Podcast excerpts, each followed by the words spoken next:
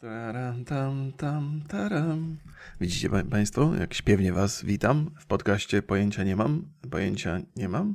Remigiusz Pojęcia nie mam, Maciaszek, to ja. Dzień dobry. Czy mam dzisiaj niezły głos? Chyba jest niezły, chyba jest trochę inny niż zazwyczaj.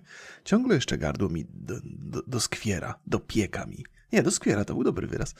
Doskwiera mi gardło. O, tu Borys coś napisał, e, że będziemy coś robić specjalnego chyba.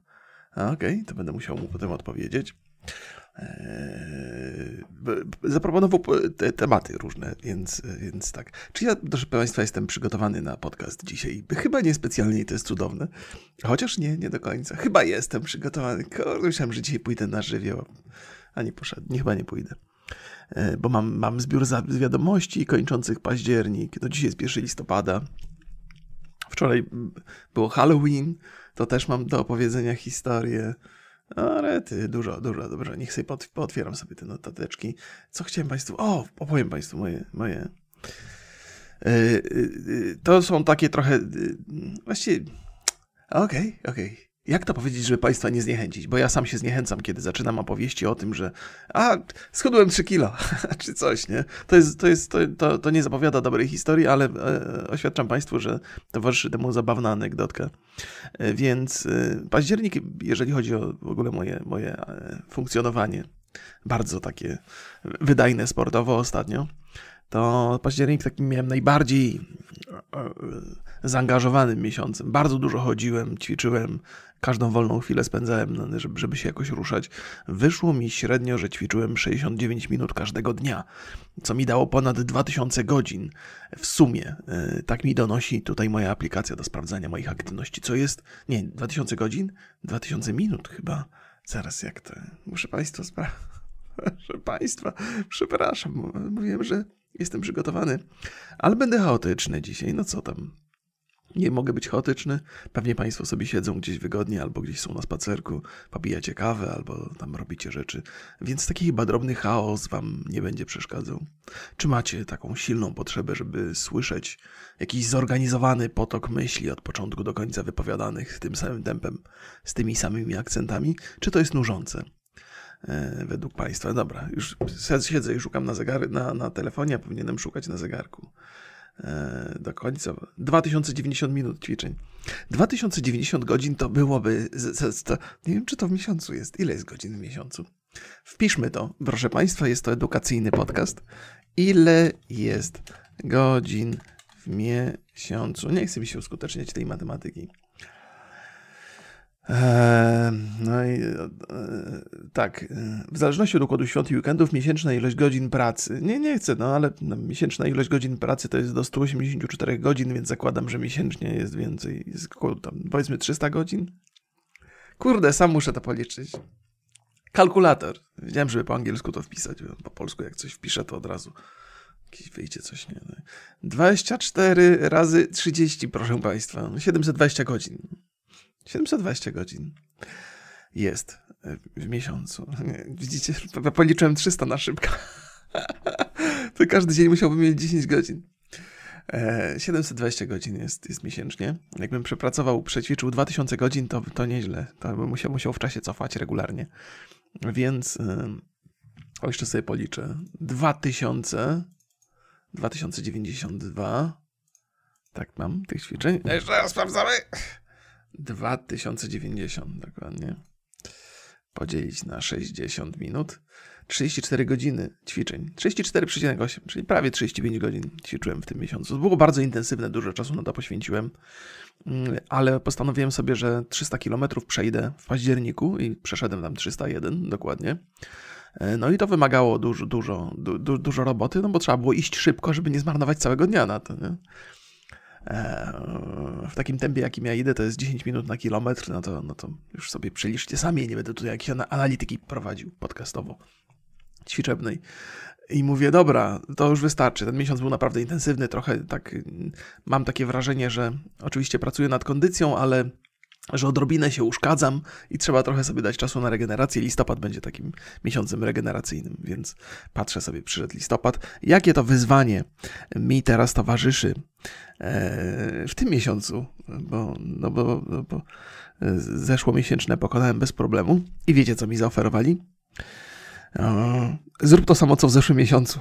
Tak mi zaproponowali. Mam powtórzyć to, co zrobiłem w zeszłym miesiącu. Czy ich pogięło dokumentnie? Październik był moim najbardziej intensywnym miesiącem. Miał być jeden taki w roku. A oni mi każą teraz powtórzyć. Przecież to, to jest niewykonalne teraz. Styczeń, luty, marzec, kwiecień, maj, czerwiec, lipiec, sierpień, wrzesień, październik, no październik. Listopad jeszcze ma mniej dni o jeden. 70 minut dziennie musiałbym ćwiczyć, żeby to zrobić. No nie mogę. Ale to jest, to jest, to żona się ze mnie śmiała. I po co, po co, po co idziesz na całość? Po co? Przecież wiadomo, że będziesz za miesiąc musiał zrobić więcej. No bo takie są te wszystkie elektroniki motywujące, żeby człowiek się ruszał więcej, robił więcej, więc za każdym razem trochę więcej niż poprzednio. Powinienem się tego spodziewać. Powinienem to przewidzieć. E, I teraz nie wiem, czy ja to zrobię, czy nie. W tym sensie, że e, ja lubię spełniać wyznaczone zadania. Jestem zadaniowiec. Jak mam do zrobienia coś, to to robię. Bez względu na wszystko. I jest to głupie oczywiście, bo trzeba sobie stawiać ograniczenia jakieś sensowne, ale nie wiem. Albo się będę źle czuł, bo nie ma szans, żebym to wykonał, albo się zajadę i to wykonam. No i, i tak źle, i tak niedobrze. Proszę Państwa. No więc tak, no ale 3 kg zgubiłem, co jest tak, tak za dużo. Sobie postanowiłem, że miesięcznie pół kilograma do kilograma, żeby organizm nie był w szoku. a zrobiłem, zrobiłem trochę więcej niż chciałem. Oczywiście cieszę się, bo to fajnie jest zrzucić więcej kilogramów, ale, ale z tyłu głowy mam, kurde, no, trzeba będzie za to zapłacić kiedyś. Bo to jest, jest duża różnica między schudnięciem 3 kg w pierwszym miesiącu odchudzania, a, a, a w, w tym momencie, w którym ja jestem. Więc, no ale może ta intensywność październikowa to trochę tłumaczy. No, proszę Państwa. Dobra. Halloween. Halloween w wykonaniu wrocławskich dzieciaków, przynajmniej w tej mojej okolicy. Nie było za dużo wczoraj e, towarzystwa chodzącego po cukierki. Moja żona dwa lata temu strasznie narzekała, co pięć minut musiała chodzić do drzwi i dawać te cukierki dzieciakom. I to jest takie. Ja, ja lubię, lubię ten, ta, ta, tą wersję e, święta zmarłych, tą taką amerykańską, radosną, popkulturową trochę. E, ona nie kłóci się z, z, polskim, e, z polskim, z polską tą zadumą i, i, i, przemyśleniami. Jeżeli ktoś ma takie potrzeby, to może przecież tego 1 października, 1 listopada spędzić na cmentarzu i w zadumie i powoli, na spokojnie. Te dni są jednak osobno. E, ale są ludzie, którzy krytykują trochę Halloween, to, to, to, to, te, te zabawy, które temu towarzyszą, i że to jest bezmyślna kopia z Ameryki, i pewnie jest bezmyślna, ale to nie znaczy, że jest zła. E, są pewne rzeczy, to, to jest. Mówi się oczywiście, jest w tym dużo prawdy, że nie należy bezmyślnie kopiować wszystkiego, co się dzieje za granicą, ale czasami, jeżeli coś jest fajne i sympatyczne, to bezmyślne kopiowanie tego wcale nie jest takie złe.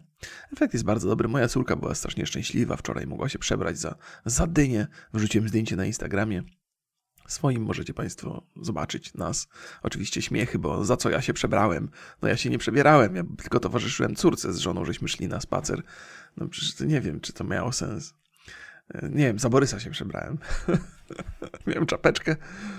E, więc ja myślałem, że, że jako dorosły to się nie muszę przebierać, ale wczoraj żeśmy też po drodze, to mi powinno dać do myślenia, bo żeśmy po drodze spotkali czwórkę dzieciaków i szedł facet przebrany za diabła, miał takie rogi naklejone na, na, na czole i, no najwyraźniej ta osoba dorosła, która towarzyszy dzieciom też musi być jakoś przebrana. Ale facet szedł z tymi dzieciakami i żar cukierki cały czas, więc podejrzewam, że taki był, taka była cena e, jego pracy że się muszą dzielić z nim cukierkami. On ich ochrania, a oni oddają mu cukierki. Non-stop, non-stop coś tam żuł i ciamkał, przez chwilę żeśmy stali z nimi tam rozmawiali, dzieci. Moja żona, e, znaczy moja córka musiała te dzieci postraszyć. To były takie 10-11 latki. Moja córka ma tam 4 latka. Jutro ma urodziny swoją drogą. Ha! Najlepszego. E, więc ona mówi, jestem pumpkin. Bu! A te dzieciaki, uuu, jaka straszna dynia. Ona, jestem pumpkin. Bu! ona, te, te tradycje, jako że ona bardzo dużo ogląda bajek po angielsku, to te tradycje e, amerykańskie łatwiej jej wchodzą, to po pierwsze. Po drugie, operuje językiem angielskim bardzo często i mm, też ogląda dużo takich programów edukacyjnych. E, I, zaczyna się pojawiać dosyć, dosyć śmieszny chaos w jej, w jej e, interpretacji e, liter na przykład. Jak, jak widzi na przykład literkę A, to mówi A jak jabłko. nie? Albo jak B, co ona mówiła? B. E, za każdym razem, kiedy, kiedy wymienia jakąś, jakiś, e, jakąś literę i, i, wyraz i przedmiot, który jest tożsamy z tą literą, to zastępuje wy, wyrazem angielskim, czyli jabłko, bo A jak Apple. E, bo tak po prostu cały czas w tej telewizji do niej mówią i nie wiem, czy to nie będzie problemem gdzieś tam, ale myślę, że nie będzie. E, że, że lepiej, żeby ten język angielski chłonęła, bo język polski ma wszędzie dookoła. W szkole, w przedszkolu będzie miała język polski, więc, więc, e, więc jak takie ślady angielskiego jej pozostaną, to, to dobrze. Ale jest to dosyć zabawne. Za każdym razem, kiedy mówi, a jak jabłko, wszyscy co? To nie brzmi normalnie, nie?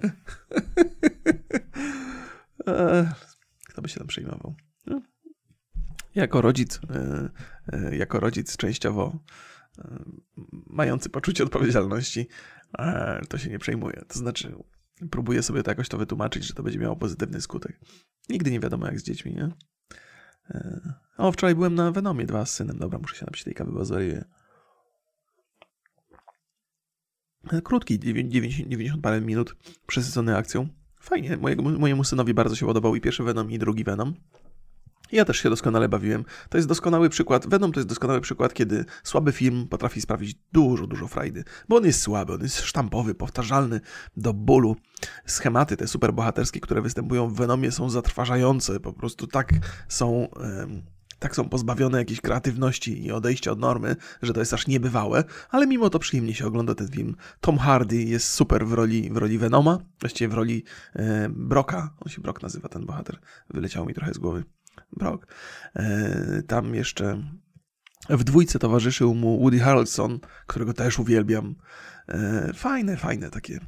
Ja bym ten film rozciągnął, tak, ta, ta, ta chemia, chemia i ta niechęć, która była między dwoma bohaterami, którzy się ścierali, a w zasadzie dwoma antybohaterami, to jest coś, nad czym można by popracować jakoś lepiej scenariuszowo. Ale e, ludziom z Sony chyba specjalnie na tym nie zależało, więc to jest taki właśnie typ filmu, gdzie nie wkłada się zbyt dużo wysiłku, bo jest, jest taki schemat superbohaterski. Nie, nie wiem, czy Państwa to interesuje, ale i tak Państwu opowiem. Schemat e, filmów superbohaterskich polega na tym, że mamy, mamy bohatera, który ma jakieś moce i przez cały film opowiadamy jego historię, jak zdobywa te moce, jak ich używa, zaczyna używać, raz zaczyna rozpoznawać, a na końcu, na końcu jest walka mm, z, z drugim z drugim supermocnym jegomościem, który ma dokładnie te same moce co ten pierwszy, tylko trochę lepsze. E, I ten schemat jest w całej masie filmów. Jest w Czarnej Panterze, był, był w, w Iron Manie, pierwszym chyba. Wiele razy, wiele razy był ten, ten motyw. W Antmanie był na przykład. Wiele razy ten motyw był, bo to jest, to jest tak, tak, tak, tak często e, i tak, tak powtarzalnie, że, że to do bólu jest, jest wykorzystane. I w Venomie jest dokładnie ten sam schemat. W pierwszej części był ten schemat i w drugiej części był ten schemat. E, ale nikomu to nie przeszkadza, bo, bo Tom, Tom Hardy moim zdaniem robi robotę. E, I taki, taki trochę komedyczny mm, aspekt tego, tej, tej, tej całej opowieści.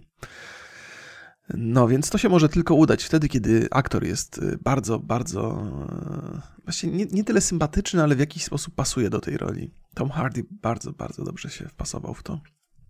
No i oczywiście jest scena po napisach końcowych, która gdzieś tam y, wskazuje na mm, pojawienie się Venoma w Spider-Manie nowym, co może być interesujące i całkiem możliwe, zważywszy na to, że Spider-Man, o ile się orientuje z trailerów, będzie miał jakąś podróż międzywymiarową poprzez działania doktora Strange'a.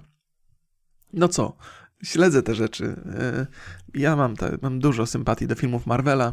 Pisałem chyba na Instagramie niedawno, że, że filmy Marvela, te superbohaterskie, to są dla mnie jak, jak, jak lody orzechowe. Ja bardzo lubię lody orzechowe, rzadko je jem. Ale to jest takie coś, że, że zjadasz, e, masz przyjemność z jedzenia, ale to nie pozostawia jakiegoś śladu, poza otyłością być może, jak się je tego dużo. E, nie pozostawia jakiegoś śladu w organizmie człowieka i tyle się zapomina. To jest taki kąsek przyjemności. On nie musi być jakiś wybitnie ambitny, mądry czy coś. I ja tak lubię. Lubię sobie od czasu do czasu skoczyć na te wizualne lody. E, no teraz Eternals wchodzi Marvela i też sobie obejrzę z przyjemnością. E, w, w, internecie, zwłaszcza na YouTubie, ludzie bardzo młodzi, chyba młodzi, którzy nie, nie mają jeszcze do końca wyrobionej, nie wiem, osobowości, czy coś, nie, nie chcę obrażać, nie o to chodzi. Jak młody człowiek to jeszcze się kształtuje, nie? To lubią, lubią sobie ze mnie robić podśmiechujki, że ja to lubię, naiwne filmy i, i że w ogóle jestem, mam niski poziom zapotrzebowania intelektualnego. To nie jest prawda. To nie jest prawda. Ja mam poziom zapotrzebowania intelektualnego taki sam jak każdy dorosły facet w moim wieku. Może większy, może odrobinę mniejszy, nie wiadomo, gdzie ja jestem na tym spektrum. E, ale lubię się bawić, lubię się cieszyć takimi drobnymi smaczkami, lubię o tym opowiadać, nie wstydzę się tego. Nie wstydzę się swoich e, takich e, może dziecięcych e, za, zapotrzebowań, bo starość to jest coś, co i tak przychodzi z czasem, nie ma co się spieszyć. Nie? Jeżeli masz jeszcze jakieś takie zamiłowania do rzeczy z dzieciństwa, to kultywuj je, e, ciesz się takimi drobnostkami, nie traktuj wszystkiego super poważnie. E, a poza tym mam dzieci i wyskoczenie z moim synem na, na film superbohaterski to jest dla mnie duża przyjemność. Nie nudzę się tam. Wyobraźcie sobie, że pamiętam jak e, mój syn miał 3-4 latka, to musieliśmy chodzić na takie bajki, które no trochę mnie usypiały. I cieszę się, że, że wyrósł odrobinę i że lubi oglądać rzeczy no, poważniejsze. I w ogóle też jest ciekawe, że on nie jest wielkim fanem e, superbohaterskiego kina. E, jego to nudzi z reguły. Natomiast tego Venoma akurat bardzo, bardzo, chyba najbardziej mu się podobał ze wszystkich filmów superbohaterskich, na których byliśmy. Ale on lubi takie poważne, poważne sensacje, jakieś takie mroczne. E, chyba jego ulubione seriale. Tam mówiłem o tym, ale ja lubię o swoich dzieciach, więc Breaking Bad i Better Call Saul, więc mówię, o kurde, ty masz gust ciekawy, więc tam teraz mamy do obejrzenia Die Hard. E, wszystkie pięć części chyba w sumie były, bo to jest na Disney Plus, staje się, do ogarnięcia. To jest na Disney. Gdzieś to jest, albo tak, chyba na Disney Plus. E, więc będziemy oglądać i będę go obserwował. On lubi takie sensacje starego typu. Więc mój syn jest mniej dziecinny ode mnie w niektórych kwestiach. Przynajmniej jeżeli chodzi o te superbohaterskie rzeczy. Okej, okay. E, czy to jest wszystko, co ja chciałem Państwu opowiedzieć o Halloween? No, no właśnie, właśnie, to jeszcze, jeszcze jedna rzecz, że trochę to padło po tych dwóch latach mniej dzieciaków wchodzi. Y, ludzie nie przyozdabiają swoich domów za bardzo, jeżeli chodzi o Halloween. Ten COVID trochę to rozbił, to jest zrozumiałe. Moja żona spodziewała się, że w tym roku będzie jednak większy ruch, bo tak trochę, trochę żeśmy się rozluźnili. Ta fala covidowska dopiero przed nami. Więc zobaczymy, jak to się potoczy. Y, I moja żona się spodziewała, że znowu będzie ruch wokół tego Halloween, ale nie było. Więc ostatecznie nigdzie nam się nie udało cukierków załapać, bo to tak też byliśmy odrobinę nieśmiali, żeby wbijać się do domów ludzi, którzy nie mają żadnych ozdób e, tych świątecznych, bo to znaczy, że nie są zainteresowani. Więc żeśmy tylko do sąsiadów poszli. Tutaj najbliższych, oni nas znają, więc tam jakieś cukierki dali. Ale też nie byli przygotowani na to. ale ale to, to moja córka jest urocza i słodka i e, wszystko się jej wybacza, więc na pewno moi sąsiedzi nie mają tutaj pretensji. Jak powiedziałem, przeszkadza mi trochę to, że, e, że jest tyle krytycznych. Może nie jest ich tak dużo, ale te takie krytyczne głosy marudzące, że a, że to, że to jest kolorowe, że to nie powinno być kolorowe święto, że nasze katolickie tutaj tradycje są podważane. No nie, nie są. Można się cieszyć jednym i drugim. E, to jest taka chyba polska skłonność do, do cierpiętniczego myślenia. Już Kościół w ogóle przy tym wszystkim jest fantastycznym udziałowcem cierpienia. Nie, nie możemy się śmiać, nie możemy się cieszyć, mamy tylko cierpieć, przeżywać, prze, przemyśliwać, mieć refleksję. I, e, ja potrzebuję trochę radości od tych instytucji religijnych, no bo one powinny jakby optymizmem przede wszystkim nas. Ja, ja nie wiem, nie wiem, nie wiem. Ja bym inaczej zbudował świat, okej? Okay? Jakbym miał na to 7 dni. o kurde. Byłoby było obowiązkowe oglądanie stand-upów raz w miesiącu, żeby trochę się wyluzować. Um, nie wiem, co bym zrobił. Zioło byłoby obowiązkowe, zwłaszcza, zwłaszcza wśród ludzi bardziej spiętych.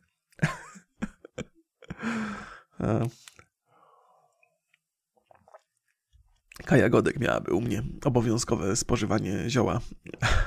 Przynajmniej raz w tygodniu. No tak by było. No, wszyscy byliby szczęśliwsi.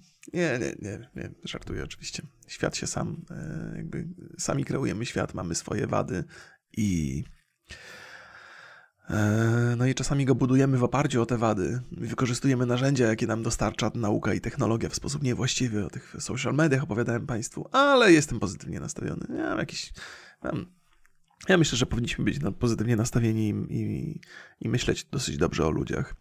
E, jest ta. Sekundkę.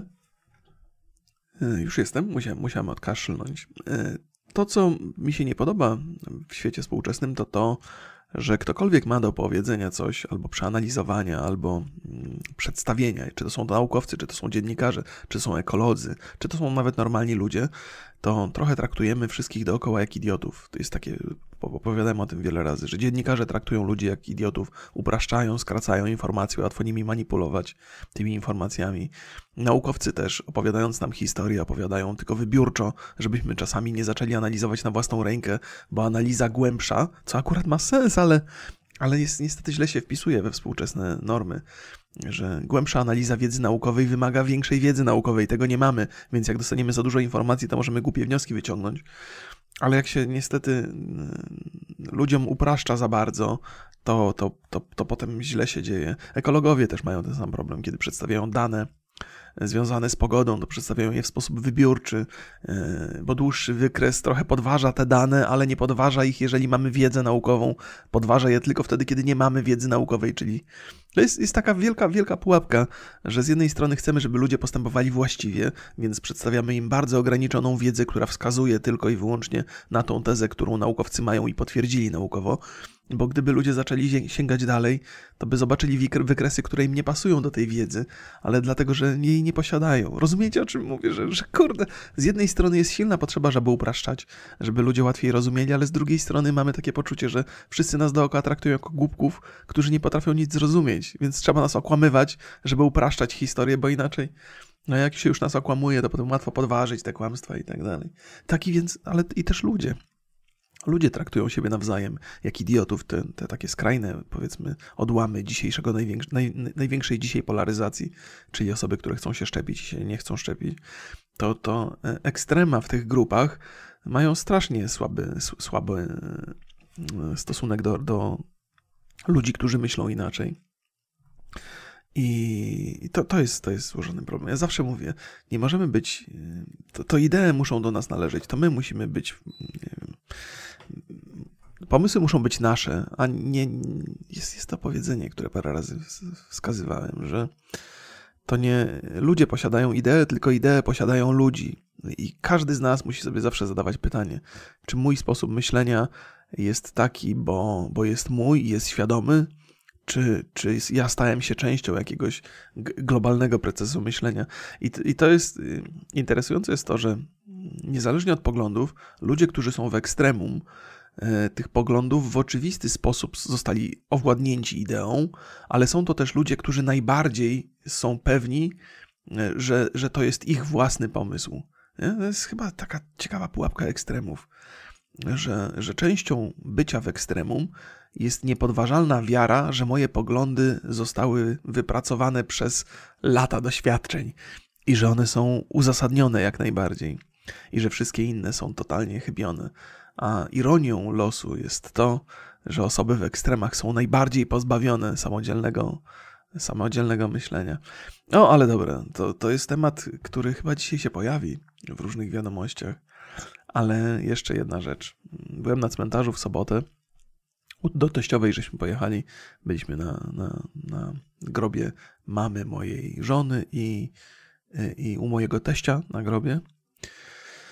No I tak ja zawsze, zawsze jak chodzę przez cmentarze, to chyba każdy z nas to robi, to patrzę na daty, ile ludzie żyli, ile, jak, jak długo, kiedy się urodzili, kiedy umarli. Mm, dużo jest dat tych takich 2019-2020. E, e, może ja zwracam na nie uwagę, zastanawiam się, bo to te, te covidowskie daty, dużo jest takich dat, że dosyć młodzi ludzie umierali, tam młodzi, no w sile wieku, 40 parę, parę lat, ale to może nie jest jakaś tam norma, tylko ja po prostu na to zwracam uwagę. E, jeden nagrobek taki widziałem. Ludzie umarli tam 20-21 lat temu. Małżeństwo. Facet miał 37 lat. Dobra, nie wiem, opowiem historię na podstawie dat, które widziałem na nagrobku. Nie mam pojęcia, na ile to jest historia zgodna z prawdą, ale to też nie będę jakoś jej strasznie roz, rozwijał, więc yy, małżeństwo. Facet jest starszy od żony o rok. Yy, ona się chyba urodziła w 58, on w 57, czy coś, tak już nie będę tam do końca tego wszystkiego liczył. I on zmarł bardzo młodo, w wieku 37 lat. I ona zmarła również bardzo młodo, w wieku 37 lat, dokładnie rok później po nim. Myślę sobie, kurde, to jest ciekawe. Co tam się stało, nie? To znaczy, pierwszy facet mógł umrzeć z różnych powodów, ale to, że, że jego żona tak szybko, w tak młodym wieku, zaraz za nim, to, to od razu jakby trochę porusza wyobraźnię. No może być oczywiście zbieg okoliczności, może najpierw był wypadek męża, potem wypadek żony, to się, że takie rzeczy się zdarzają, ale jest to takie coś, co, co, co daje do myślenia. E, przynajmniej mi dało do myślenia. Myślę sobie, o kurde. No więc lubię patrzeć, ile lat ludzie żyli. Niektórzy 98, 92, urodzeni na przykład w 1903, kawał historii. Nie lubię patrzeć na te znicze i kwiaty, które ludzie układają, bo to jest strasznie przaśne, jest tego pełno. Mam takie wrażenie, że jest w tym taka polska skłonność do konkurowania z sąsiadem, że ja muszę mieć więcej zniczy niż sąsiad, niż wszyscy dookoła, więcej kwiatów. Nie lubię chodzić przez cmentarz w ciągu dnia, chociaż wtedy daty wyraźniej widać, ale to trochę przypomina supermarket z trupami, e, że nie wiem, to brzmi bardzo źle, ale, ale no, kolorowo, pełno ludzi, kręcą się. O, skończyła mi się bateria. Układają tam te rzeczy, zniczy pełno. Bardzo lubię chodzić wieczorem e, na, na cmentarz, kiedy świecą się te wszystkie świeczki i one, one są takim... Zdjąłem, wyjąłem sobie baterię z, ze słuchawek, nie słyszę swojego głosu. Przez chwilę za nie mówiłem.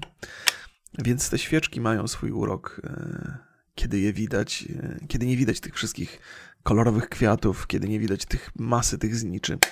Po prostu widać światełka. E, no i tłumy ludzi są zawsze na tych cmentarzach, ale te tłumy ludzi nie tak w cieniu, te twarze ukryte, oczy niewidoczne.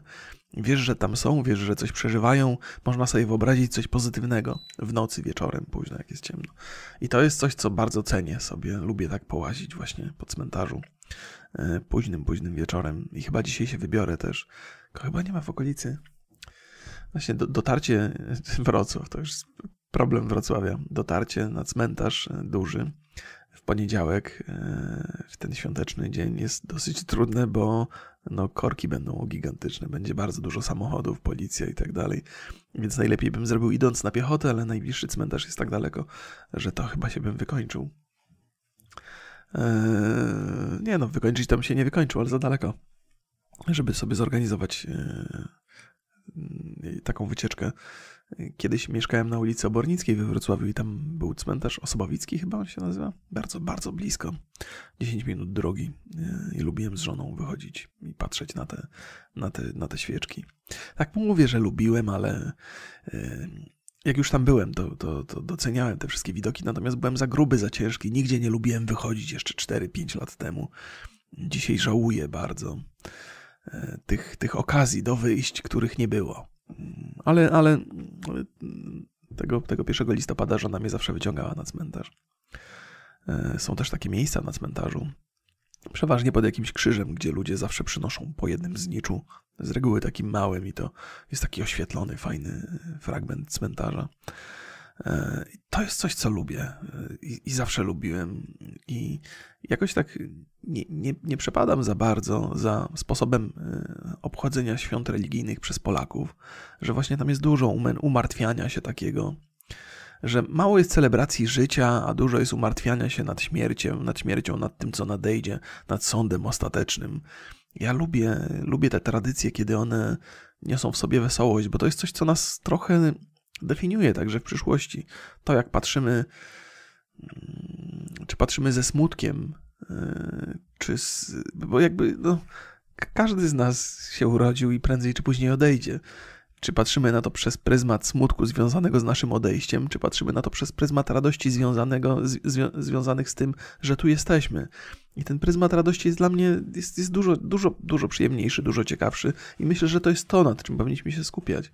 Nad, nad radością z bycia tu. A chociaż oczywiście, no, Potem jesteśmy tutaj, są jakieś Facebooki, Twittery, Instagramy i wszystkim jest źle, bo wszyscy oglądają zdjęcia, które są nieadekwatne do rzeczywistości. Depresje, problemy. O, rany boskie.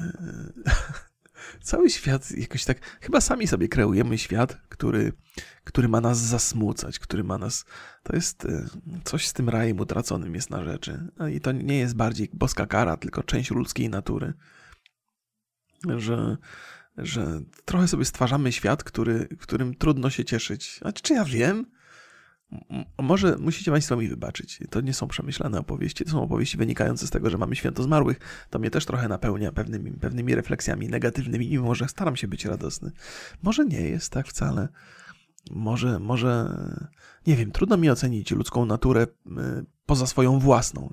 Moja natura jest z reguły radosna, więc na swój, swoją interpretację rzeczywistości zawsze patrzę pozytywnie, a y, interpretację rzeczywistości prowadzoną przez innych oceniam, a tu za mało jest wesołości w ten sposób, nie? Że, że, że za mało tam jest radości.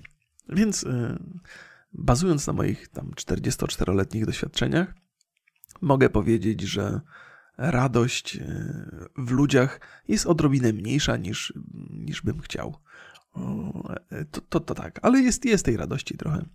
E, I to, to jest trochę powrót do tego, co, mm, co powiedziałem gdzieś tam po drodze, że w niewłaściwy sposób oceniamy innych ludzi że zarzucamy im, że są głupi, bo niedoinformowani i że za mało się cieszą z życia, za mało się, za mało, za mało, za mało, za mało wszystkiego. To nie jest prawda. Właśnie nie wolno, nie wolno temu ulegać. Chyba, nie? No, no, no, ale, ale myślę też, że, że jest dużo racji w tym, co mówię, że e, polska tradycja raczej jest skierowana w stronę smutku, przeżywania i, i rozterek, niż w stronę radości, entuzjazmu to jest coś, co nas e, definiuje, Polaków, i być może to dobrze, no bo przez wieki byliśmy definiowani w ten sposób i warto być wiernym tej tradycji, ale może warto też ją trochę zmieniać. I może dlatego takie bezmyślnie zapożyczone radosne święta z Ameryki mają jakiś sens. A nie wiem, czy Państwo wiedzą, ja też nie wiem tak do końca, ale kiedyś sobie to sprawdzałem. Halloween to oczywiście nie jest e, wynalazek to nie jest wynalazek amerykański, to jest zbitek jakichś różnych świąt.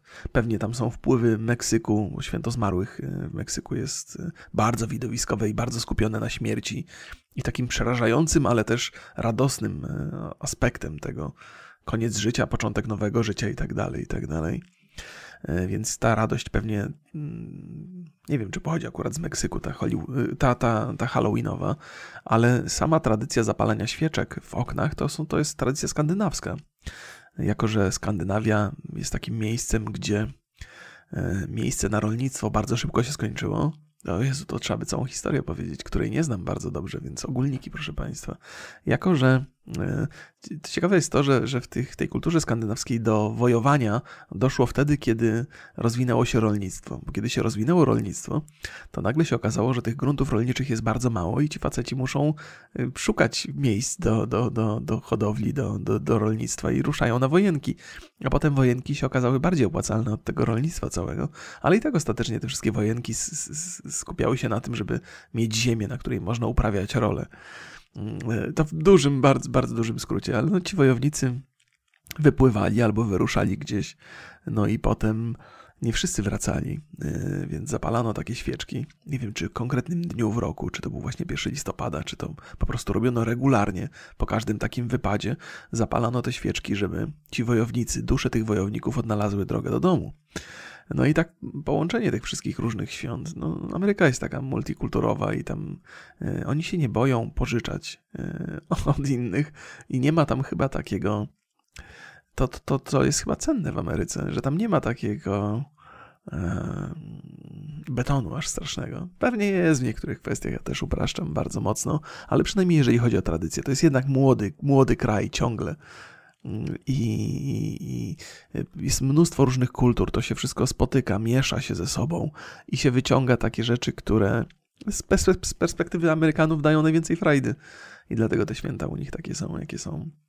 To jest ciekawe w ogóle, zapożyczanie kultury z amerykańskiej i w ogóle popkultury, jak popkultura amerykańska wpływa na, na rozumienie e, rzeczywistości. To jest czasami dobre, a czasami niezwykle problematyczne, bo problemy amerykańskie są zupełnie inne jak polskie jak dużo w Polsce się mówi o problemach LGBT, podczas gdy one są u nas minimalizowane przez, przez co też jest złe oczywiście, nie? ale mm, na, na przedstawicieli e, LGBT w Polsce patrzymy tak, jak na przedstawicieli LGBT w Ameryce. Tam no w Ameryce jest łatwiej o ekstrema i na tych naszych lokalnych też patrzymy przez ten pryzmat ekstremów i oceniamy ich w sposób niewłaściwy. I problemy społeczności LGBT w Polsce w dużym stopniu wynikają z tego, w jaki sposób my postrzegamy społeczność LGBT w Ameryce. Gubimy się trochę, bo na tym właściwie na tym polega obserwacja trochę rzeczywistości, że chłoniemy to, co dostajemy, a najwięcej dostajemy z internetu, z telewizji. Internet jest bardzo amerykański, więc nasza wizja rzeczywistości jest trochę nieadekwatna do tego, co się dzieje tutaj na, w naszym bezpośrednim otoczeniu. Ale to też już mówiłem wiele razy. Tak się powtarzam, ale może tak ma być dzisiaj refleksyjnie. Może Państwo też tak lubią sobie powtarzać te same myśli, dzięki temu się utwierdzamy w nich, czy coś. nie mam pojęcia, czy to jest dobre. Czy to nie jest dobre. Co ja tutaj mam? A właśnie, i tak chodząc po tym, chodząc i tam oceniając wiek u ludzi, kiedy umarli i leżeli, to trafiłem sobie na na, na, na, na grobek i na grobek był pod, podpisany Bolek, nie? I data urodzenia. I mówię, Boże, już mogli Bolesław napisać, czy coś, przecież jak Bolek, to jak to, jak to tam jakiś rym zabawny temu ko, ko, towarzyszył, ale nie pamiętam. Tak, tak czy inaczej było podpisane wielk, wielkimi literami Bolek na, na środku tego. Akurat szedłem, widziałem to z oddali, ale podszedłem bliżej i okazało się, że Bolek to jest nazwisko. I e, się nazywał Bolek Wiesław. Nie wiem, czy to, nie wiem, czy to powinienem mówić. Nieważne, nie wiecie gdzie, więc może no, takich Bolków Wiesławów jest dużo. I myślę sobie, Boże, gdyby ktoś mnie posłuchał i napisał mu Bolesław, to on by się nazywał Wiesław Bolesław. To by byłoby źle, to byłoby zabawne. Ale e, z drugiej strony to nie jest takie, e, takie, takie zabawne. Wiesław Bolesław jest radośnie zabawny. Jak ktoś się nazywa na przykład Psikuta, czyli psikutas bez S, to jest, to jest zabawne w sposób e, krzywdzący trochę, bo to można obśmiewać ale jak ktoś się nazywa Wiesław Bolesław, to nie jest tak źle. Ale tak czy inaczej, pan się nazywał Wiesław Bolek i już nie ma go na tym świecie od 40 paru lat, więc zupełnie inna historia. Eee, miałem takiego kolegę w klasie w podstawówce jeszcze, się nazywał Tomek Romek. Ja do dzisiaj nie wiem jak, i wtedy nie wiedziałem i teraz nie wiem jak, które było imię, które było nazwisko, Tomek Romek. Nie wiedziałem jak do niego mówić, mówiłem chyba Romek. Eee, no, to też fajne. To ja pozdrawiam wszystkich, którzy mają takie śmieszne nazwiska w sposób e, radosny. Powiem też Państwu, że, że mm, o Jezu, to trochę zdradzę, ale to mam nadzieję, że się nikt nie obrazi. Różne są, czasami różne zabawne zbitki nazwiskowe e, się pojawiają. E, kiedyś, kiedyś e, żartowano sobie o tym, bo opowiadałem, że nasza, nasza tenisistka Świątek miała podobno się związać z piłkarzem, który się nazywał Piątek. I wszyscy sobie żartowali, że gdyby wzięli ślub i tam pojawiłaby się opcja obojga nazwisk, to byśmy mieli do czynienia z, Agą, z Igą Świątek Piątek. I to było haha śmieszne. E, no, ale jest też taka sobie, była sobie taka dziewczyna, która miała na nazwisko Zamiata, to, to, jest, to nie jest takie jakieś wybitne nazwisko, ale to nie obrażam, ja mam nazwisko Maciaszek, ono jest bardzo niewybitne. To jest, to jest takie nazwisko, takie, no, takie no nie jest na przykład Leszczyński albo Keller. No takie, ja też nie mam jakiegoś wybitnego nazwiska, więc myślę sobie, a może to się nikt nie obrazi, jak się będę śmiał trochę z jego. E, więc e, zamiata nazwisko, od takie, nie? Ale, ale też związała się z facetem, który ma na nazwisko nadal i postanowiła połączyć to w, dwie, op, podwójną opcję i w tej chwili się nazywa nadal zamiata. I to, okej, okay, jest to, przepraszam, zabawne. Nie mogłem się, och Boże. Dostanie mi się pewnie od niej. To znaczy, tak się nie znamy jakoś blisko, ale zakładam, że darzymy szacunkiem. Nie mogłem się powstrzymać, przepraszam. Chyba, chyba to nie jest tak, że ja ujawniłem czyjeś, e, że nie, nie wiedziałem. E, Tom Segura opowiadał o tym, że był lekarza. Jest jeden z jego takich sketchów zabawnych.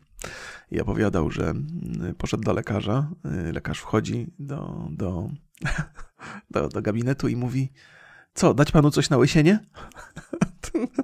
mówi, co? O co chodzi? No, czy dać panu coś na łysienie? Nie. A pan wie, że, że pan łysieje? Nie, nie wiedziałem. O, to przepraszam.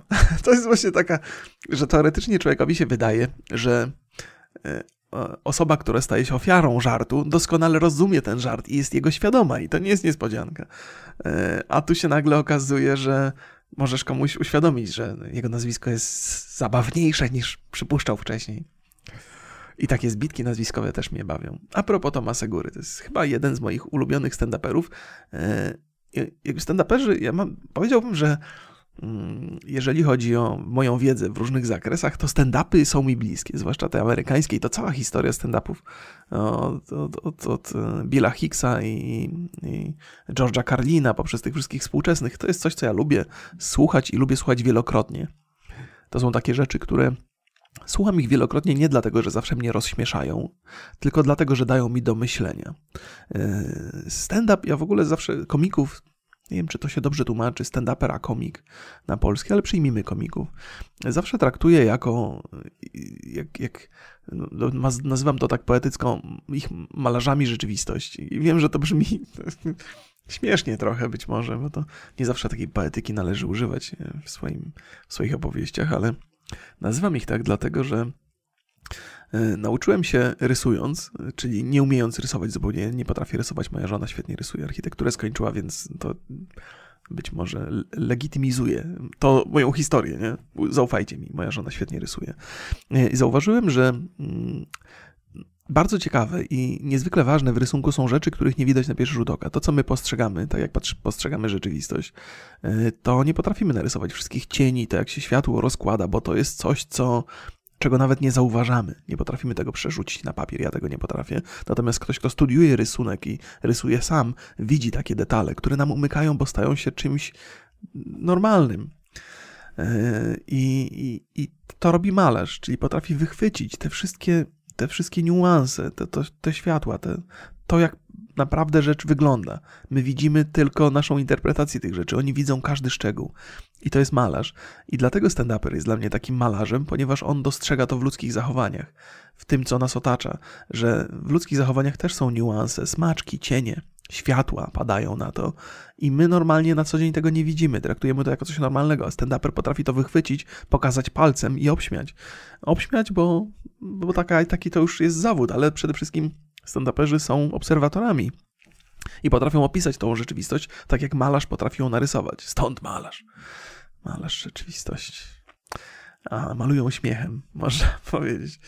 Eee, dlatego doceniam to bardzo mocno, bo oni widzą to, czego ja nie zauważam niestety.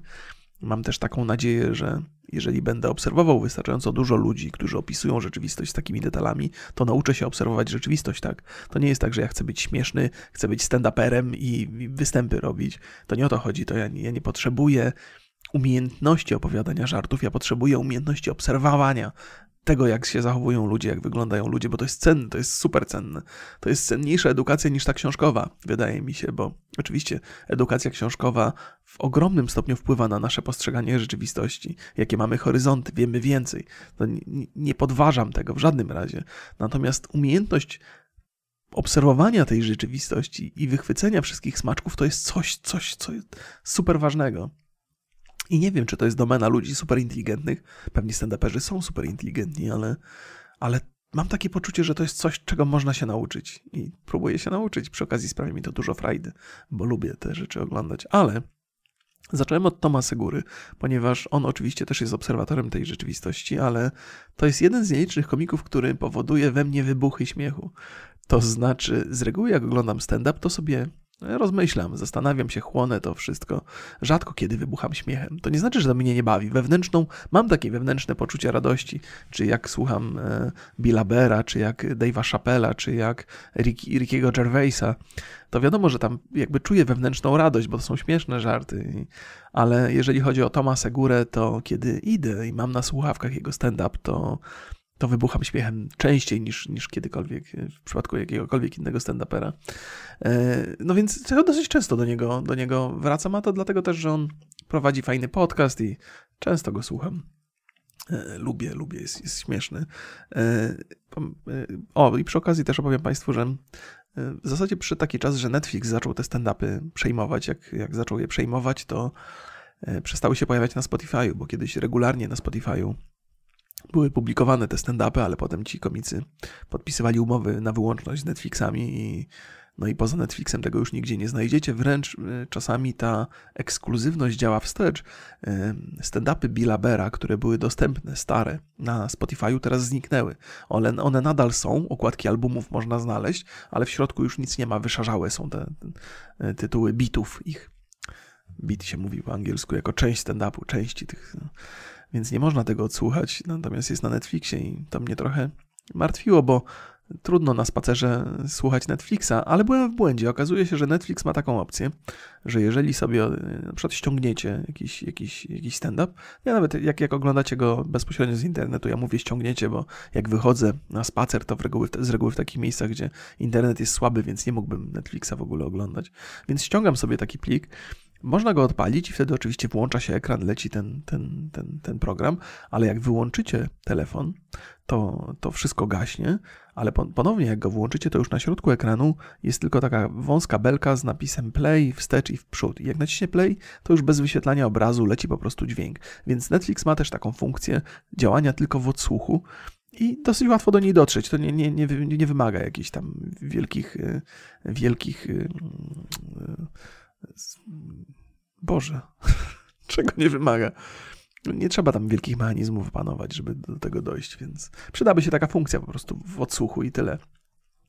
Więc sobie też czasami rzeczy z Netflixa ściągam i słucham. YouTube też to ma. Na YouTube jest dużo stand-upów starszych i też sobie można puścić play, normalnie wyłączyć, tylko trzeba mieć premium, trzeba zapłacić za to akurat w przypadku YouTube'a. No za Netflixa, Netflixa też się płaci, za Spotify'a też w zasadzie, więc wszystko płatne tu się akurat niczym nie różni. No ale można też posłuchać takich rzeczy, których na Spotify'u nie ma. Ale jeżeli chodzi o Tomasa Górę, to są. Y, jest Completely Normal, jest Thrilled i jest Mostly Stories. Wydaje mi się, że Completely Normal to jest najlepszy stand-up y, y, Tomasa Góry. I wiecie co? Jeszcze Państwu coś opowiem. To są stand-upy odpowiednio z lat 2010, 2017, 2014. W wieku Tom Segura ma chyba 40, zaraz. W 2010 miał 30 lat. Eee, to ile? To on jest 2080. Nie! On jest młodszy ode mnie? Bez jaj. O Boże.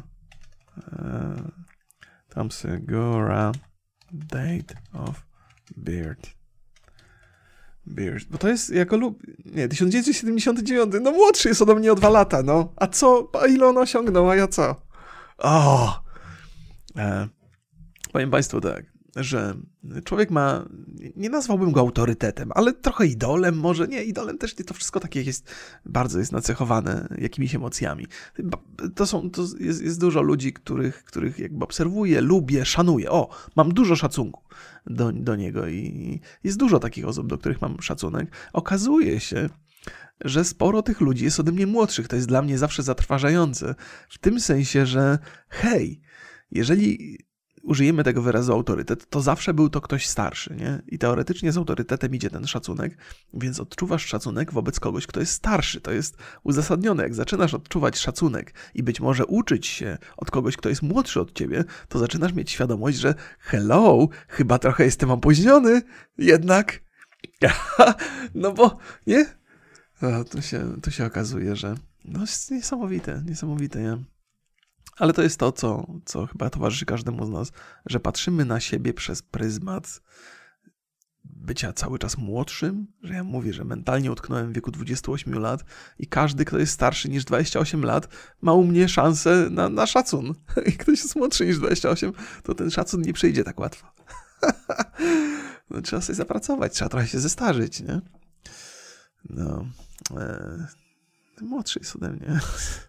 Tego, myślałem, że jest troszkę starszy, ale jest młodszy, cholera. No 30 lat miał, e, kiedy, kiedy ten 31, kiedy ten stand-up Thrilled się pojawił i bardzo był dobry. A Completely Normal, czyli z 2014 roku, e, czyli wtedy ile miał? 35 lat. To jest w ogóle super. Jest, jest genialny, jest genialny. I tak patrzę na niego i mówię, kurde, ale chyba wygląda starzej. No ale potem patrzę na siebie i mówię, o, chyba jednak nie. Kurde! Wolałbym się nie starzeć. Czy ja mogę z Bozią mieć jakąś umowę, że ja jestem taki luźny, sympatyczny, tam krzywdy nikomu nie robię? Czy ja mógłbym żyć dłużej albo w zasadzie być dłużej młodszy? To bym chciał. O Jezu.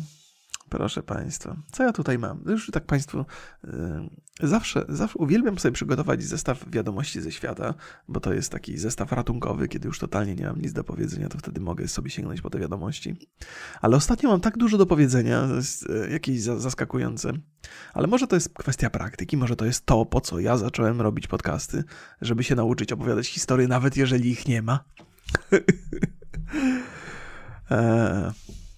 Też właśnie się martwię w związku z tym, że listopad e, chciałbym, żeby był trochę spokojniejszy, jeżeli chodzi o moją ruchliwość, że chciałbym się zregenerować, wypocząć, to jednak te wszystkie moje wypady, te wszystkie moje ćwiczenia powodowały, że słuchałem zatrważającej ilości rzeczy, informacji. I to wzbogaca, nawet jak się słucha jakiś błahostek, to, to człowiek potem może sobie historię układać, a jak będę chodził mniej, nie, chyba nie wiem. Nie wiem, co tu robić ze swoim życiem. W sensie mam wrażenie, że in, in, tak intensywne treningi, jakie sobie narzuciłem w październiku, trochę mi zaszkodzą.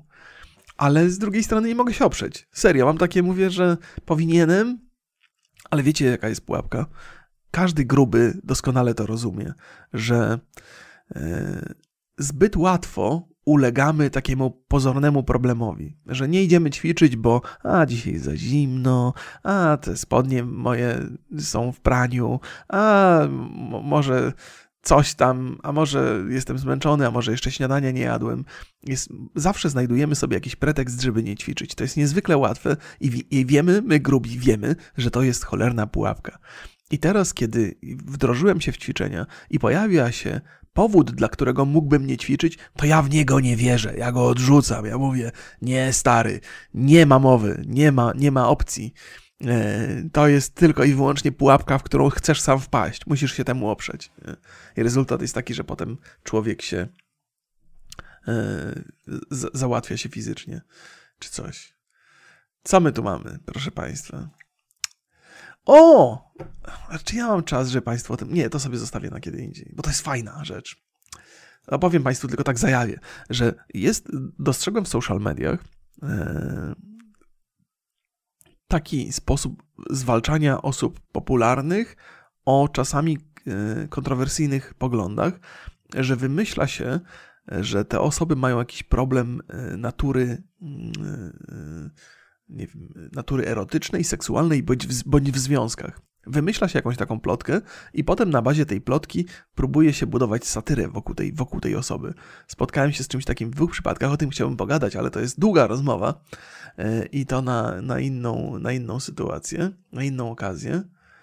E, o, proszę Państwa, jeszcze mam jedno, mam apel do Państwa. E, Chciałbym, jeżeli ktoś z Państwa, wiem, że, że du, dużo Was y, mieszka za granicą gdzieś, y, więc gdyby ktoś, y, gdybym chciał, żeby, żeby ktoś mi coś kupił za granicą i przysłał paczkę, i nie chodzi tutaj, wiecie, jakieś takie, że z Amsterdamu proszę kilogram zioła, bo mi się skończyło i nie mogę dealera znaleźć. Nie, nie, nic z tych rzeczy. Ale jakieś takie drobne smaczki, w sensie jakieś pamiątki, które sobie wypatrzę w internecie, bo to z reguły można, okej, okay, z reguły, jeżeli można to kupić w internecie, to sobie kupię w internecie, żeby wszystko było jasne, ale mogę trafić coś takiego, że nie mogę tego znaleźć, a może wy będziecie wiedzieli. Jeżeli ktoś jest gdzieś za granicą, to napiszcie mi, że na przykład jestem, nie wiem, mieszkam e, na, na Islandii i jakbyś coś potrzebował z fajnego z Islandii, to, to dawaj znać. I ja będę tak po prostu, wiecie, na ten mail. To nie tak, że chcę od was e, wyciągnąć od was coś za darmo. Ja chciałbym coś kupić i zapłacić za to oczywiście. Ale jakby e, Boże, trochę mi głupio. Przepraszam, trochę się zagubiłem. Jestem taki nieśmiały. Więc jak e, ten mój mail, też nie mam pojęcia, e, małpa.gmail.com, bez polskich znaków, to napiszcie, że gdzieś tam mieszkacie i jakbyście, że możecie bez problemu mi coś wysłać, gdybym coś chciał. To, to wtedy będę się odzywał, że a, kurde, tutaj coś znalazłem, albo tu coś chciałem stamtąd. Pomyślałem sobie, że to byłaby fajna atrakcja do mojego podcastu. Mógłbym sobie zrobić taki, taką gablotkę z rzeczami jakimiś takimi E, ciekawymi z różnych miejsc e, i bym wiedział, że one są od widzów, a od czasu do czasu mógłbym żonie sprawić jakąś niespodziankę. Eee, no, jak się ma tych, proszę Państwa, jak się ma tych widzów, to by się chciało ich trochę wykorzystać, nie tylko do oglądania czy coś. Hmm. Nie, wiem, nie wiem, czy to ładnie z mojej strony. O! Hej, o, hej kochanie, właśnie nagrywam podcast. Przywitasz się z widzami? Ojej, dzień dobry wszystkim. Hej, dzień dobry kochanie, co tam? Dawałeś Oli już czekoladę dzisiaj. E, Nie dawałem jej, no kupiłem jej rano ten, ten batonik i kawałek jej dałem, e, ale nie, nie całego, tylko kawałeczek. Reszta jest w szafce, gdybyś chciała jej jeszcze dać. W szafce czy w lodówce? E, Chyba w szafce albo w lodówce, w lodówce możliwe, bo on się topił. Okej, dobre, dobre. Całuski, kto mnie kocha najbardziej na świecie? Alexa, turn off. Alexa. Wyłączyła się. Drop out. Here's something I found on the web. According to Alexa, stop. Stop, stop, please. E, drop thanks out. for the feedback. O, Jesus, come on. Dobra. No, może moi widzowie mnie najbardziej kochają. Tutaj jestem tylko doceniany w domu. e, proszę Państwa, aż mi się gorąco zrobiło. Tutaj usłyszałem głos mojej żony. Mówię, ach, to jest taki głos namiętny, że muszę teraz włączyć klimatyzację. To co? To, to... Gdzie jesteś, kursorze? O nie, myszka mi się popsuła. Czasami mi się DPI zmniejsza w myszce, nic, albo przys- przyspiesza mi gwałtownie. No. No miło z żoną porozmawiać sobie, tak na podcaście czasami. Czy ja opowiadałem Państwu, że tak generalnie to lubię swoją rodzinę? Dobra, proszę Państwa, powaga, powaga, przegląd, prasówkę. Robiłem prasówkę, moją regularną prasówkę, e, powierzchowną bardzo, na chłopski rozum. Czyli ile już z Państwem minut spędziłem dzisiaj? Stanowczo za długo. Przyspieszajmy to. Macie pewnie ciekawsze zajęcia. E, Szczyt w Glasgow. E, To się nazywa COP, COP26. Liderzy muszą natychmiastowo zacząć zmieniać mm, klimat, bo półtora stopnia to jest takie, to jest, temperatury się podniosły o półtora stopnia i nie chcemy, żeby się podniosło więcej. I robimy wszystko, żeby to, żeby to ogarnąć, ale nie ogarniemy. Mam, powiedziałem Państwu o tym, że cieszy mnie to, że zmiany klimatyczne stały się częścią rozmowy publicznej, rozmowy cywilnej wręcz, że to ludzie już sobie, na, że można tego używać w kampaniach reklamowych, że można o tym mówić, że to nie jest nużące, że ludzie wiedzą, że mamy problem, wszyscy wiedzą o tym. E, Natomiast chyba nie podejmiemy tej walki, dopóki nie poczujemy bardziej wyraźnie na własnej skórze, że jest problem. Powodzie w, w Niemczech, powodzie w Chinach są problemem. Chiny zaczynają działać, bo to jest dostrzegalne. E, Na tym szczycie klimatycznym poinformowano jasno, że to już są normy, że to nie jest wypadek przy pracy, że tego typu rzeczy będą się zdarzały, trzeba być na to przygotowanym.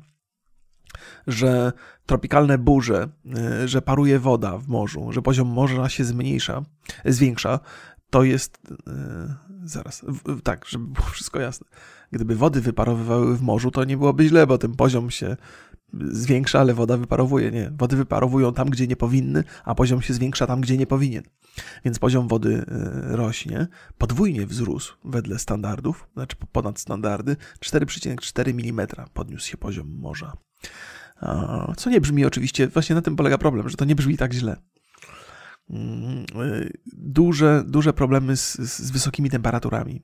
Ponoć ostatnie 7 lat to były naj, najbardziej, naj, najcieplejsze lata w historii. Ten rok spośród tych siedmiu był najmniej chyba gorący, ale nadal jest to 7 najgorętszych lat e, w historii.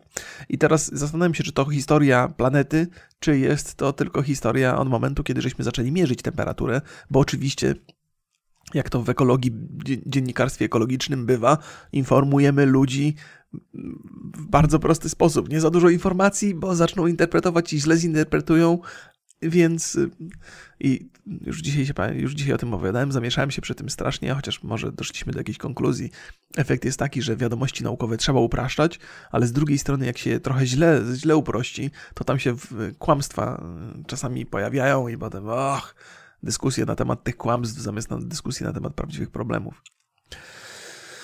Katastrofy, tak, pożary w Kanadzie. Ta, ta, ta, ta miejscowość, która w Kanadzie była, miała za- zanotowaną najwyższą temperaturę e, w historii, spłonęła do gołej ziemi. Znaczy, jak się tam zaczął pożar, to już nic nie przetrwało. Wszystko tam spłonęło.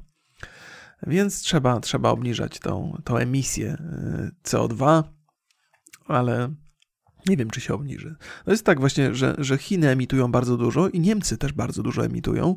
No i, i jeden kraj i drugi dostał powodzią w tym roku, więc to jest najważniejsze w tym wszystkim jest to, żeby przekonać opinię publiczną, że wydatki w tej kwestii są uzasadnione i że one będą miały negatywny wpływ na, na, na, różne inne rzeczy. Że będzie mniej pieniędzy tu, ale będzie więcej pieniędzy na to. Więc jeżeli się ludziom zdarzają rzeczy okropne, jak powodzie, widzą je, to jest namacalne, no to można, można wyborców przekonać. Ale też na przykład w Niemczech jest taki problem, nie wiem czy Państwo o tym wiedzieli, że jest bardzo dużo, jakby politycy są niezwykle mocno związani z przemysłem. To znaczy ludzie, którzy, o Jezu, to jest coś, co pewnie Państwo sobie zdają sprawę, że były kanclerz Niemiec, to był, był kanclerz przez Gazprom jest aktualnie chyba zatrudniony, albo miał być zatrudniony. To była taka wielka sensacja, że jak to? Że najpierw tutaj dyskutował ułożenie tej rury, e, w, w, tej, tej drugiej nitki gazowej, a teraz tam będzie pracował i dostawał pieniądze, przecież to jest konflikt interesów, jak cholera. Więc w Niemczech ten konflikt interesów jest czymś, co jest standardem w, w polityce. Że politycy, którzy są związani z ekologią, są także związani e, finansowo z przemysłem. E, no ale jakoś działają. Nie, nie zauważyłem, żeby Niemcy, jak mówię, tam ta, ta emisja CO2 w Niemczech jest bardzo duża, mm, ale oni raczej są takie, mam wrażenie, że mają skłonność do tej ekologii, ale to, jest to ciekawostka pewna. E, właściwie mało się o tym mówi i to, o czym Państwu dzisiaj opowiadam, to też nie jest taka wiadomość, która pływa po powierzchni. Ona jest trochę, trzeba było się przekopać e, gdzieś tam przez to. Mam nadzieję, że ona jest prawdziwa bo to nigdy nie wiadomo, ale, ale tak wiele na to wskazuje. Mówię o tym, mówię o tym oczywiście związku polityków i, i przemysłu w Niemczech. No, może ma to sens. Co tutaj tak no, więc, więc no cały czas mamy te, te problemy globalnego ocieplenia, ale jak mówię, dla mnie najważniejsze jest to, że już się o tym mówi. To tak jak się o cukrze zaczęło mówić jakiś czas temu i udało się trochę nad tym zapanować, to nad tym też zapanujemy. Tylko obawa jest taka, że, że może być za późno. No ale też ci politycy też nie mają takiej że, że wiadomo, że każdemu zależy, och, żeby nasze wnuki żyły w dobrym świecie, ale ci ludzie, którzy są dzisiaj u władzy, ci ludzie, którzy są związani z przemysłem, to problemy związane z klimatem ich nie dotkną. W sensie takim, że no nadal będą super bogaci, będą żyli sobie w wygodnych miejscach. E, najbiedniejszych te rzeczy dotykają najbardziej. E, z zawsze, zawsze, więc no, jakby taka taka silna potrzeba, żeby polityk zadbał o swoje dzieci i swoje wnuki, jest, no to ładnie się mówi, ale on już zadbał o, te dzieci i wnuki. Niezależnie od tego, w, jakim, jakiej sytuacji się klimatycznej znajdziemy, jeżeli to nie będzie jakaś totalna katastrofa, to te dzieci i te wnuki będą żyły na znacznie wyższym poziomie niż dzieci i wnuki ludzi, którzy głosują na tego polityka. Więc oni nie mają, ci politycy nie mają takiej osobistej osobistego zapotrzebowania, żeby naprawiać świat. Chyba, że jest to w ich interesie politycznym aktualnym. Nie? Dlatego tak ważne jest, Boże, się zapętlam, dlatego tak ważne jest, żeby ludzie, tacy cywile, mówili o, o, o, o zmianach klimatycznych, że trzeba z tym walczyć, żeby tych polityków zmusić do wyjścia poza swoją wygodną strefę i zrobieniu coś w tej, w tej kwestii. To więc to wszystko jest, leży w naszych rękach. Musimy wiedzieć jak najwięcej, uczyć się, edukować. Wtedy, wtedy wpływamy na polityków, oni nie mają wyjścia, muszą się podporządkować. Tak samo McDonald's. Jeżeli wiemy, że McDonald's robi rzeczy niezdrowe, no to wywieramy jakiś nacisk. Nie? No dobrze, co my tu mamy? Mm, o, w sprawie Tajwanu ciekawe, ciekawe rzeczy. To jest kolejny, kolejny aspekt, y, albo kolejna część historii y, Chiny kontra Stany Zjednoczone. Chiny traktują Tajwan jako swoje miejsce jako taką zbuntowaną trochę prowincję i są naturalną, Tajwan ma być naturalną częścią Chin. Tajwan oczywiście się sprzeciwia tym wpływom. E, Chińczycy coś tam militarnie ich podszczypują, cały czas latają jakieś tam samoloty, naruszają ten, ten obszar. E, Amerykanie wspierają Tajwan, ale co mogą tam zrobić? No jak Chin, Chińczycy wkroczą do Tajwanu, to wkroczą i koniec. Pozamiatane, co, Amerykanie zrobią? Przy nich nie będzie mm, wojny światowej kolejnej mm, organizował, bo, bo, bo Tajwan zniknął nagle z mapy świata i zastąpiło go jakieś inne miejsce, inaczej nazywane na tej mapie. No. Tajwan się znalazł w sytuacji bez wyjścia jakby i no, no co, co mają? No, si siłą, siłą Chiny wezmą. E, no. No i tak to, i tam latają te samoloty. No, co tu? Możemy tak, ja wiem, Możemy sobie Tajwan obserwować e, z dystansu i z takim stoickim spokojem, no bo tak działa historia. Tak działają mocarstwa tutaj. Na żywo to się dzieje na naszych oczach. O, proszę Państwa, dzisiaj dużo o Izraelu. E, Czy my dzisiaj wyrobimy? Izrael ma kilka ciekawych problemów. E, I niektóre problemy Izraela stają się problemami całego świata. Słyszeli Państwo o takiej aplikacji, która się nazywa Pegasus? Aplikacji to właściwie jest taki system, który pozwala hakować telefony, kraść dane z tych telefonów. Jest bardzo ten system skuteczny. Mm, No to, to wszystko, co trzeba właściwie wiedzieć o nim, bo, bo jak on działa dokładnie, to Państwo nawet jakbym chciał, to bym pewnie nie powiedział. Nawet jakbym wiedział, to bym pewnie nie powiedział. A też nie chcę Państwu opowiadać za dużo na ten temat. E, To jest system przez, wymyślony przez Izrael do, do szpiegowania przestępców, do sz- szukania terrorystów, czyli jakby takie narzędzie, które powstało w ramach szlachetnych przesłanek. Ale proszę Państwa, no nie oszukujmy się, nie ma czegoś takiego. To, takie narzędzia zawsze prędzej czy później zostaną wykorzystane w sposób negatywny. E, No i to się dzieje dzisiaj na świecie. O tym Pegasusie mówi się w, właściwie w dwóch historiach, które Państwu już opowiadałem. Pierwsza historia dotyczyła e, jakiejś księżniczki chyba z Arabii Saudyjskiej, której, która, która w- Londynie toczy się sprawa rozwodowa tej księżniczki i tego księciunia. E, I jakby okazało się, że ten obecnie, że adwokaci tej całej księżniczki, ich telefony były właśnie przez ten system Pegasus, y, dane były kradzione, by- byli podsłuchiwani. Czyli to jest na tyle, na, tyle, na tyle skuteczny system, że można podsłuchiwać te rozmowy i te dane pobierać bez problemu żadnego. Y, I to, to, była, to był pierwszy taki przypadek wykorzystania tego Pegasusa w sposób negatywny. A teraz pojawiła się druga historia w Indiach. Y, Okazało się, że ten, ten, ten sam numer zastosowano wobec opozycji, to znaczy politycy opozycyjni byli podsłuchiwani przy użyciu systemu Pegasus. I to są tylko te rzeczy, o których wiemy. E, Więc y, gdyby, gdyby zacząć opowiadać o tym historię, to mamy do czynienia z systemem szpiegowskim, który jest bardzo skuteczny i który w teorii ma być wykorzystywany w dobrych celach. Ale wszystko, co się znajdzie w ludzkich rękach, będzie wykorzystywane w celach niecnych, prędzej czy później. Bo, bo tak to jest, tak jest, tak taki świat jest zbudowany oczywiście. E, Twórcy tego systemu bronią się, że no, przecież dobre intencje, szlachetne, że to nas zabezpiecza, ale gdyby się tak zastanowić, to w jakim procencie nas zabezpieczyło to nas? W sensie, o ile procent podniosło to nasze bezpieczeństwo albo, albo bezpieczeństwo w Izraelu? Pewnie o jakiś procent, pewnie jakiś znaczny, ale pewnie to się on się zamyka w, w, w cyfrze, znaczy w, numerze, nie wiem, w wysokości jednocyfrowej, nie? No 5%, 7, 9. Więcej raczej nie. Trochę, trochę tak e, próbuję się bawić w analizę czegoś, czego do końca nie rozumiem, no ale no, nie sądzę, żeby więcej podniosło bezpieczeństwo, w jakimś tam mi- minimalnym procencie.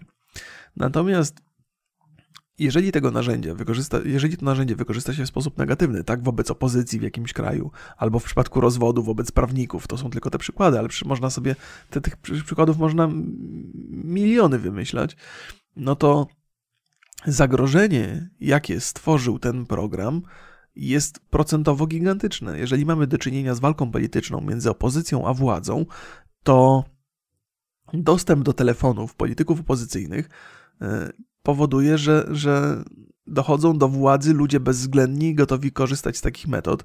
To zwiększa zagrożenie w państwie o 100%. W sensie poziom zagrożenia, jakie wytwarza ten program, wobec poziomu bezpieczeństwa, jakie daje ten program, jest, to jest, dysproporcja jest gigantyczna. Dlatego takie narzędzia nigdy nie powinny powstawać, bo, bo niewiele są w stanie nam zagwarantować bezpieczeństwa, a zagrożenie stanowią gigantyczne. I już ten, dzisiaj ten program się wymknął spod kontroli. Ja jestem pewien, że on jest powszechnie wykorzystywany na całym świecie w różnych sytuacjach. Już nie mówię o, o, o- szpiegostwie związanym z polityką czy jakichś sprawach rozwodowych, ale szpiegostwo przemysłowe. Ja jestem pewny, że Chińczycy już siedzą na tym programie i go używają, albo sobie e, wymyślają jakąś alternatywę swoją, e, wykorzystując tamte, tamte rozwiązania. Już nie ma opcji w ogóle. Jeżeli się pojawia takie narzędzie, to, no to będzie mnóstwo ludzi, którzy negatywnie to wykorzystują. I zakładam też, że z czasem, pewnie dzisiaj to jest bardzo drogie, żeby wykorzystywać to, ale z czasem stanie się powszechne i zwykły haker jakiś, jakiś, nie wiem, domorosły, 15-latek będzie mógł schakować dowolny telefon, jeżeli będzie miał numer tego telefonu. I, a skąd wiadomo, że w Indiach takie coś? Bo z, z danych tej firmy, która z, za, zrobiła ten program, przepraszam, wyciekły informacje na temat numerów telefonów, które były podsłuchiwane, które były szpiegowane. No i się okazało, że tam wśród tych numerów telefonów jest właśnie mnóstwo opozycyjnych polityków indyjskich. Więc takie narzędzia od samego początku do samego końca są złe. Dobra. Powiedzmy, że ktoś na początku miał szlachetne intencje, ale to, to nie działa. To, to nie, nie, nie ma opcji. To powinno być niedopuszczalne, wynajdywanie takich rzeczy w ogóle wprowadzanie ich w życie. No ale z drugiej strony, jeżeli Izrael był w stanie to zrobić, to, to każdy kraj może to zrobić i pewnie jest mnóstwo.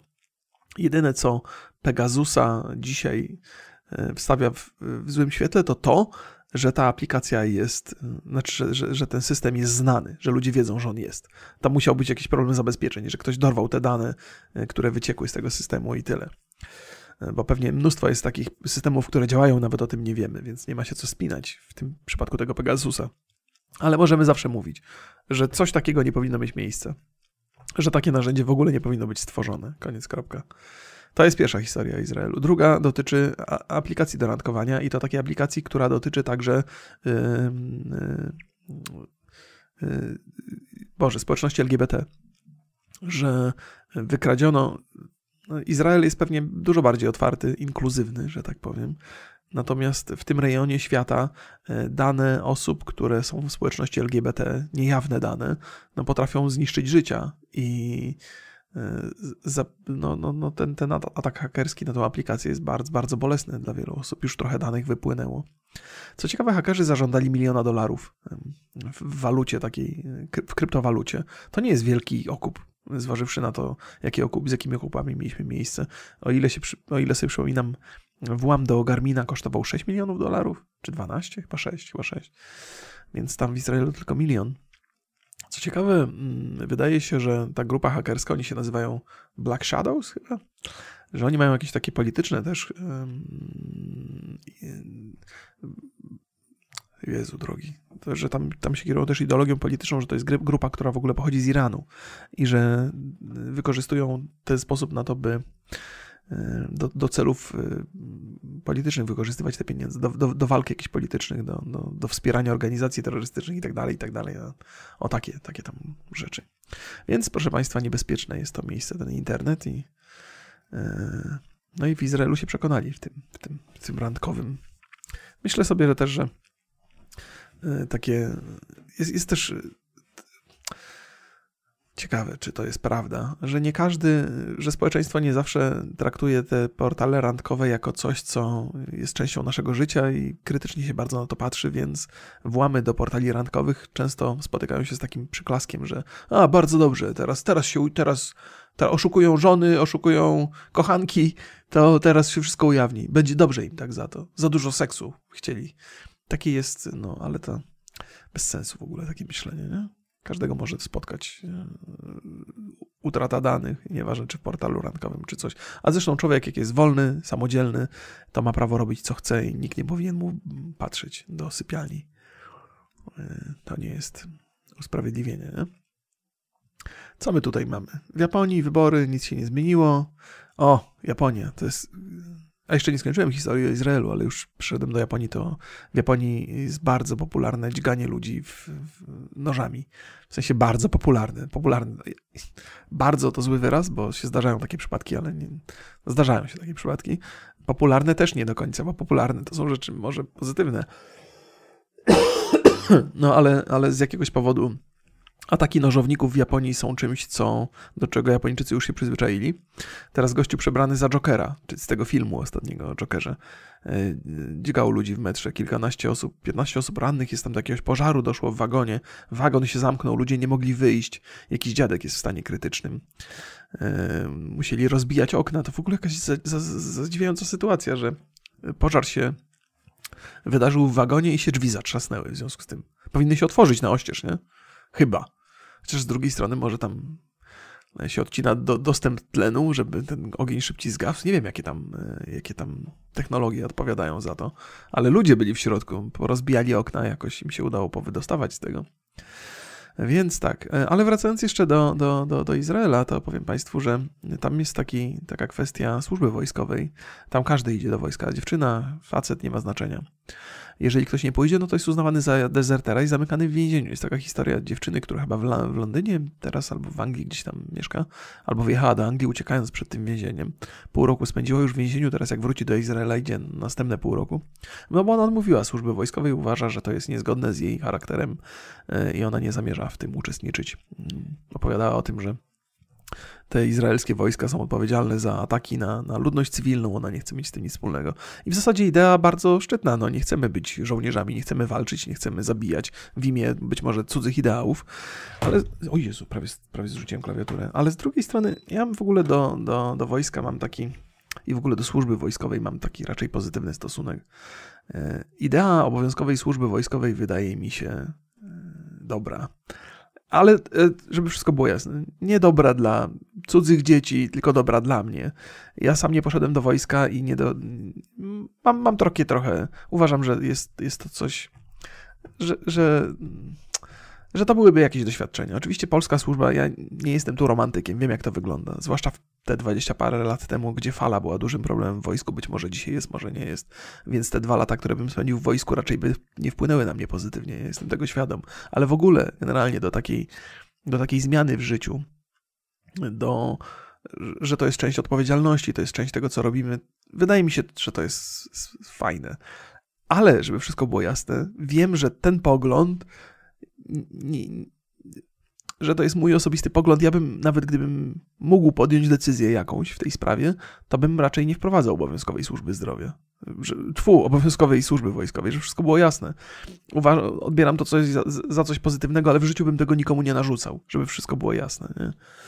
Bo to jest, jakby wolność jest ważniejsza. No ale w takim Izraelu, Wszyscy tam, młodzież jest przyzwyczajona, właściwie wychowywani są z tą myślą, że pójdą do wojska i idą do tego wojska i w tamtym, oni w zasadzie Izrael, jakkolwiek militarnie nie byłby mocny, no to jest tam jednak trochę życie w strefie wojny. No, cały czas jest jakieś poczucie zagrożenia i ważne jest to, żeby, żeby ludzie byli jakoś tam pod, podstawową służbę odbyli, żeby wiedzieli, co się dzieje w sytuacji zagrożenia, że oni są przygotowani na to i powinni być przygotowani. To, to nie ma, nie ma nie ma tam wyjścia, bo gdyby się, gdyby do, doszło do kolejnej wojny, bo z taką mieliśmy, tam to była ta wojna siedmiodniowa, e, gdyby doszło do kolejnego takiego starcia, to nie ma, że, że staniesz przed czołgami przeciwnika i powiesz, że to ty nie byłaś w wojsku, bo to ideologicznie ci nie pasuje.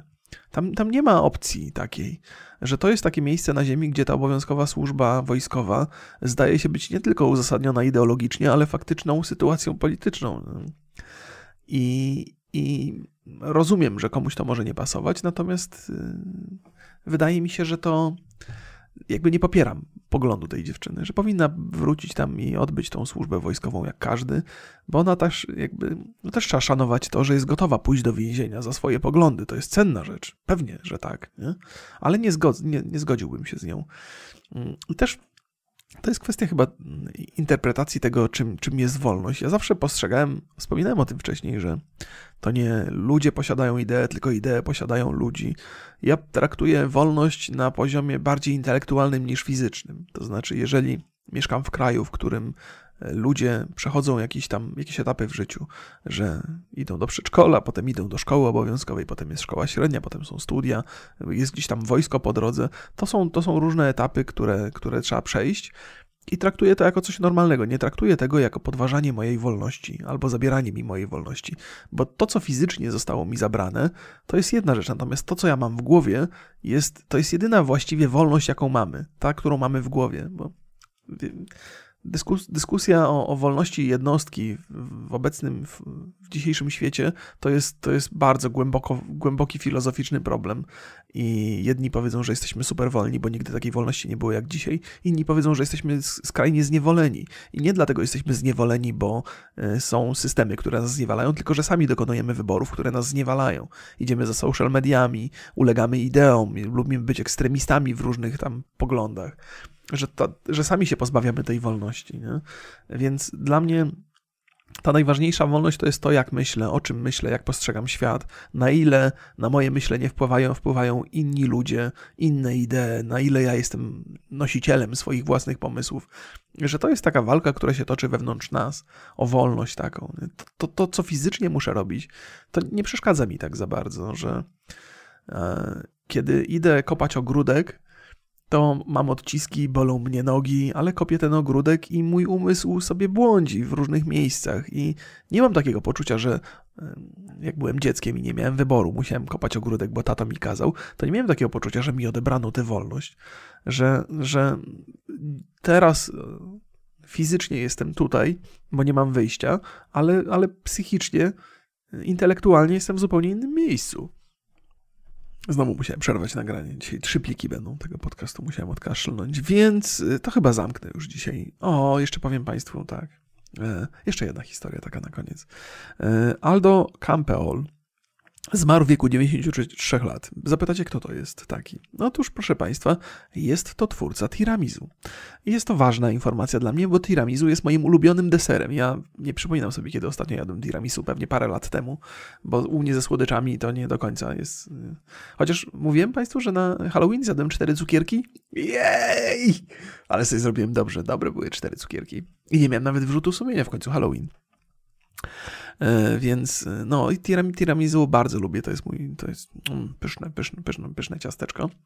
E, okazało się, powiedziałem to też, już, już się gubię, był jubilerem, gdzieś tam jakoś przypadkowo wynalazł ten, ten, ten deser, ale on jest bardzo jednym z najpopularniejszych, najbardziej znanych na świecie. Jest też taki, to nie jest taki zwykły, nie wiem, sernik z rodzynkami, to jest takie dosyć skomplikowane ciastko, ale i moja żona robi, i moja teściowa, i moja mama i za każdym razem są to dobre ciastka.